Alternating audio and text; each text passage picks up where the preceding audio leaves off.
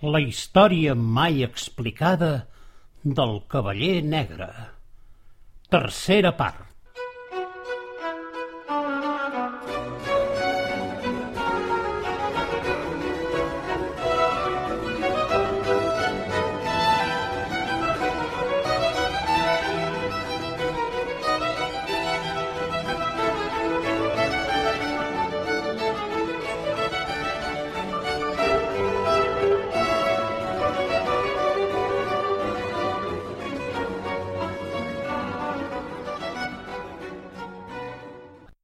Quan la gent del poble els va veure arribar els dos germans, ja sabien per què venien, i ho celebraren i els donaren la benvinguda amb un ball festiu.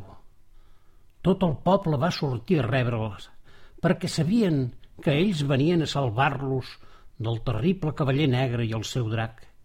I així el reberen amb una dansa que començava amb dos balladors i a la que a poc a poc s'anaven ajuntant tots els altres, tot fent una trena que serpentejava pels carrers del poble fins a arribar a la plaça i formar una rotllana, mentre els homes i dones, infants, avis i àvies brandaven els mocadors de tots colors. I al vell mig de la rotllana hi posaren els dos germans cavallers que anaven rebent com a present tots aquells mocadors. Acabada la dansa, van fer un bon banquet. D'això sí que en van estar contents els dos germans. Tantes emocions els havien obert la gana i l'hostaler i l'hostalera del poble els van servir el que van voler. El cavaller Baldufa no les tenia totes perquè mai no havia vist tant de menjar i tan diferent del que menjava a casa. Però va recordar que els pares sempre li deien que les coses s'han de conèixer per saber què cal fer. Potser això volia dir que menjar una mica de tot el faria més savi. Vés a saber. El cas és que van quedar tips i retips. En acabar el banquet, el més vell del poble es va acostar als dos germans cavallers i els va parlar així. Benvinguts a l'esplai, el poble del volcà de la Crossa. En diem l'esplai perquè aquí sabem riure i sabem jugar deixant que els nostres sentiments surtin. Res no amaguem a ningú i ningú no ens vol mal. Bé, ningú menys el cavaller negre i el seu temible drac. Sabem que heu vingut a fer una cosa. Quina? No ho sé. Ens ho haureu d'explicar. Però sigui el que sigui, nosaltres us ajudarem. Moltes gràcies, van dir els germans. Doncs veureu, Venim a buscar les set claus que té amagades el carceller del cavaller negre a la torre soterrada. En sentir això tota la gent va callar i la cara se'ls trasmudà. Ja no reien, més aviat tremolaven. Tots els habitants de l'esplai sabien de sempre que no havien d'acostar-se mai a la torre soterrada, allí, al mig de la caldera del volcà de la Crosa. Fins i tot hi van fer un tancat perquè ningú no s'hi acostés. El que voleu fer és molt perillós. Cap del poble recorda haver vist entrar ningú, va dir el vell ancià. I vos tampoc. Vos que sou l'home més vell del poble. Tots els vilatans van mirar de fit el vell ancià com fent-li la mateixa pregunta. El seu silenci era revelador. Després d'una bona estona de rumiar-s'ho va parlar. Jo hi vaig entrar una vegada, i me'n penedeixo d'haver-ho fet. Vaig poder sortir, però el meu germà va quedar atrapat. Per això tot el poble va decidir fer el tancament. Doncs, si vos hi veu entrar, va dir un dels germans, ens aniria bé de saber com és aquesta torre soterrada. Això ens ajudaria i molt per poder trobar les set claus. L'altre germà va afegir que també els aniria bé saber alguna cosa del carceller, de com era i de quins poders tenia. L'ancià els va respondre que ell mai va veure el carceller, que quan es van despenjar amb un acord d'ell i el seu germà i van arribar al terra, només van veure una gran galeria al fons de la torre soterrada plena d'estalactites i d'estalagmites. Els dos germans es van mirar molt estranyats. Estalactites, estalagmites... Quina mena de cosa era aquella? Mai n'havien sentit a parlar. Aleshores l'ancià va mirar la manera d'explicar-los-hi perquè ho entenguessin. Imagineu que del sostre pengen moltes espases com les vostres, amb la punta apuntant al terra. Doncs això són estalactites. I ara imagineu de nou les vostres espases clavades al terra, però pel mànec, de manera que les seves puntes apunten al sostre. Doncs això són les estalagmites. Vaja, va dir un bailet del poble, això deu ser molt perillós. Caminar per un lloc ple d'estagmactites i estagnanites ha de fer molta por. La sortida del bailet va fer riure tothom, però de seguida van parar atenció al que deia l'ancià. Aquella gran galeria la travessa un rierol serpentejant, però no és pas un rierol d'aigua, sinó de lava, de foc, que bull tota l'estona. De cop i volta el rierol comença a créixer i a sortir de la seva llera per inundar-ho tot, tota la galeria. És quan les estalactites comencen a caure i s'esberlen contra el terra i les estalagmites en surt fumaroles de color gris que fan l'aire irrespirable. I com us en veu sortir de la torre? va preguntar aquell bailet espavilat. Tot just el rierol va començar a créixer el meu germà gran em va alertar i ens dirigirem cap al forat per on havíem entrat. Per sorpresa nostra, però, la corda havia caigut i sense mirar enrere anàvem pujant agafant-nos a les poques pedres cantelludes de la paret, perquè quasi tota ella està feta de pedres ben arrodonides. Quan vaig ser a fora vaig cridar al meu germà, però no em va respondre. Els pares ens estaven buscant i en veure'n tan a prop de la fou van córrer i em van agafar. Just en aquell moment va sortir de la torre soterrada una llengua de foc que es va enlairar cel amunt i va desaparèixer. Es diu que aquella llengua de foc és el temible drac del cavaller negre. Les explicacions de l'ancià no animaven massa a ficar-se dins d'aquell forat, però, per altra banda, els dos germans cavallers estaven decidit a provar-ho, ja que si no ho feien, el cavaller negre no els deixaria tornar a casa. Després de rumiar una estona, van decidir anar a veure el lloc, però abans van demanar que els donessin totes les dagues per carregar-les a les motxilles. Motxilla? va preguntar el ferrer major de l'esplai. Què és això? Una motxilla? Ai, carat, que no sabeu què és una motxilla? I aleshores els hi van ensenyar, perquè heu de saber que els dos germans havien agafat les seves motxilles d'anar a escola per posar-hi una mica de roba i un parell de contes, que sempre és bo portar contes per llegir. El ferrer major de l'esplai va ordenar que portessin tantes dagues com trobessin a la farga, i quan les van dur les ficaren a les motxilles, no sense abans treure els contes. Quan els nens del poble els van veure, van fer uns ulls com unes taronges.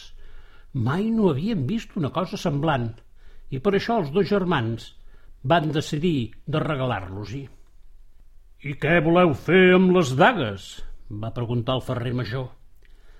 Les anirem clavant a la paret com els claus d'escalada que utilitzen els nostres pares i d'aquesta manera, si ens passés el que li va passar a l'ancià i al seu germà, que la corda es caigués, tindríem per on pujar. Després demanaren dues cordes prou llargues per on baixar, i quan les tingueren es dirigiren cap al tancat que guardava l'entrada de la fou de la torre soterrada. Quan van ser a la vora del forat, es van adonar que encara duien al damunt tots els mocadors que la gent del poble els havia regalat per la benvinguda. Se'ls tragueren del damunt i li van donar en aquell petit bailet eixerit que els posà dins d'una cistella. Quan sortiu, us els tindré ben plegats perquè us els endugueu i així els feu servir de banderoles quan feu una festa. Tota la gent del poble un per un van abraçar els germans, tot dient-los coses coratjoses i per animar-los i donar-los força. Després desferen la corda i l'anuaren a una soca que hi havia al costat. Els dos cavallers germans aleshores es tragueren l'armadura perquè era massa pesant per baixar i demanaren a la gent que els guardessin la llança, l'espasa i l'elm i que tinguessin cura dels seus cavalls. El ferrer major els hi va donar dos malls petits que feia servir per forjar la ser perquè els fessin servir per anar clavant les dagues a la paret. Tot seguit, lligaren el cap de cor de la cintura i tota la gent va fer una filera perquè els dos germans anessin davallant per la torre soterrada, ben a poc a poc, perquè així anirien clavant les dagues a la paret. A mida que anàvem baixant vam veure talment com els havia dit ben budí el bufó del rei de la parsimònia que la paret de la torre soterrada estava feta de pedres arrodonides. No cal dir, doncs, que la idea de clavar dagues era tot un encert. En arribar al fons, ni tan sols la llum de dalt es veia de tant endins que arribava aquell forat. Els homes i dones del poble decidiren marxar perquè no sabien quant de temps trigarien a sortir els germans cavallers. Però en el seu pensament una idea es rebregava, la de que no els tornarien a veure mai més. Només el veilet eixerit es va quedar al costat del forat de la torre soterrada, tot esperant els dos germans, ja que els havia promès que els hi guardaria els mocadors. Així és que es va posar a plegar-los. Mentre els dos germans, allí al fons de la torre, encengueren les seves llanternes, perquè heu de saber que cada un d'ells en portava una de llanterna a la motxilla, i descobriren aquell meravellós palau d'estalactites i estalagmites. Però el que poc s'esperaven era que aquelles estalactites i estalagmites fossin de gel i que en elles s'hi reflectís el vermell del foc que serpentejava pel mig de la galeria. De cop i volta van sentir una veu. Qui hi ha? Qui ronda per aquí? Ai, mareta, que aquest deu ser el carceller del cavaller negre. Ara sí que estem perduts. De nou, la veu va ressonar. Qui hi ha? Qui ronda per aquí? Els dos germans no gosaven respondre, però una cosa els delatava, i era les seves llanternes, que feien pampallugues, no pas perquè els hi fallés la pila, sinó perquè els dos tremolaven com una fulla. Per tercera vegada, la veu va retrunya dins la galeria. Us ho torno a preguntar per darrera vegada. Qui hi ha? Qui ronda per aquí? Som nosaltres, el cavaller Baldufa i el cavaller negre. En sentir el nom del cavaller negre, un ancià va sortir corrents del fons de la galeria i es va agenollar capcot davant d'ells. Oh, senyor, perdoneu-me, no us havia reconegut. Em sembla que us equivoqueu. Jo no sóc el cavaller negre que creieu. No sou el temible cavaller negre que ha emancit el drac de foc. Aleshores, qui sou? I aquell ancià es va aixecar d'una revolada i oh! Què creieu que van veure els dos germans? Aquell ancià no era altre que el qui els havia rebut al poble de l'Esplai. I ara, què hi feu aquí? Per on heu vingut? Vingut, va respondre l'ancià. No he vingut d'enlloc. Visc aquí de fa temps. La gent diu que sóc el carceller del cavaller negre, però no és cert. Sóc el seu presoner i m'ha manat que vigili el palau de punxes de gel, que és el lloc on el drac de foc té els seus set ous covant-se al caliu del foc del rierol, tot esperant que neixin els seus fills. Doncs, per naps i per cols, que és ben bé igual a un ancià que viu allà dalt. I do, és viu el meu germà. Em pensava que havia mort el dia que vàrem entrar a la torre soterrada. Ja és cas, perquè ell creu que ets tu qui estàs mort. Però com és que no has intentat de fugir durant tots aquests anys? Perquè vaig fer un pacte amb el cavaller negre, que jo em quedaria aquí vigilant el palau a canvi que ell no destruiria el meu poble, l'esplai. I vosaltres, què hi feu aquí? Venim a buscar les set claus de les set torres encantades del castell del rei de la parsimònia. Aquí no trobareu cap clau. Mai no n'he vist cap de clau o cosa que s'hi assembli. Aleshores, Vimbodí ens ha enredat, va dir un dels germans tot enrabiat. No, no ho crec que ens hagi enredat. Si ens va dir que les claus eren aquí, és que hi han de ser. Són set claus, per tant, hem de buscar alguna cosa que tingui a veure amb el set. Ja us he dit que aquí no les trobareu. Aquí només hi ha els set ous del drac de foc. De cop i volta, els ulls dels dos germans cavallers es van il·luminar. Set ous!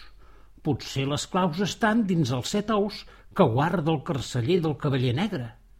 Calia esbrinar-ho de totes totes. Els dos germans van demanar a l'ancià que els mostrés el lloc on eren els ous, però ell s'hi resistia. Ves a saber què li podia passar si deixava que algú agafés els ous. Tant van insistir, però, i tant van explicar-li que el seu germà encara l'enyorava, que a la fi el van convèncer. Aleshores va agafar unes branques de bruc i les va encendre amb el foc del rierol, i quan les flames van il·luminar la galeria, els dos germans van poder veure que al de dins de les set estalactites més grosses que penjaven del sostre hi havien els set ous ben guardats. Com podrem treure'ls de dins? va dir un d'ells. Semblen molt dures aquestes estalactites. I que ho són de dures, va dir l'ancià. Mai no les he vist trencar-se llevat d'aquell dia que vàrem entrar el meu germà i jo. Jo sé com trencar-les, mireu. I un dels germans, el que es feia anomenar cavaller Baldufa, va mostrar-los el mall que li havia donat el ferrer major. Diuen que a l'esplai es fan les espases i els coltells més ben fets d'arreu del món repicant amb aquests malls. Segur que amb ells podrem trencar les estalactites.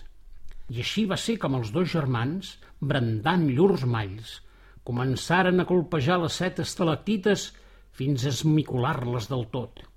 I de cada estalactita rompuda en queia un ou que en arribar al terra es trencava en mil bocins i només hi quedava una clau set claus.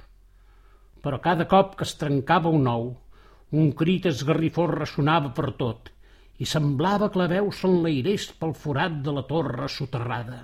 Allí dalt, el poble de l'esplai, ben bé que van sentir aquells set crits esgarrifosos i cuitaren amagar-se a les cases.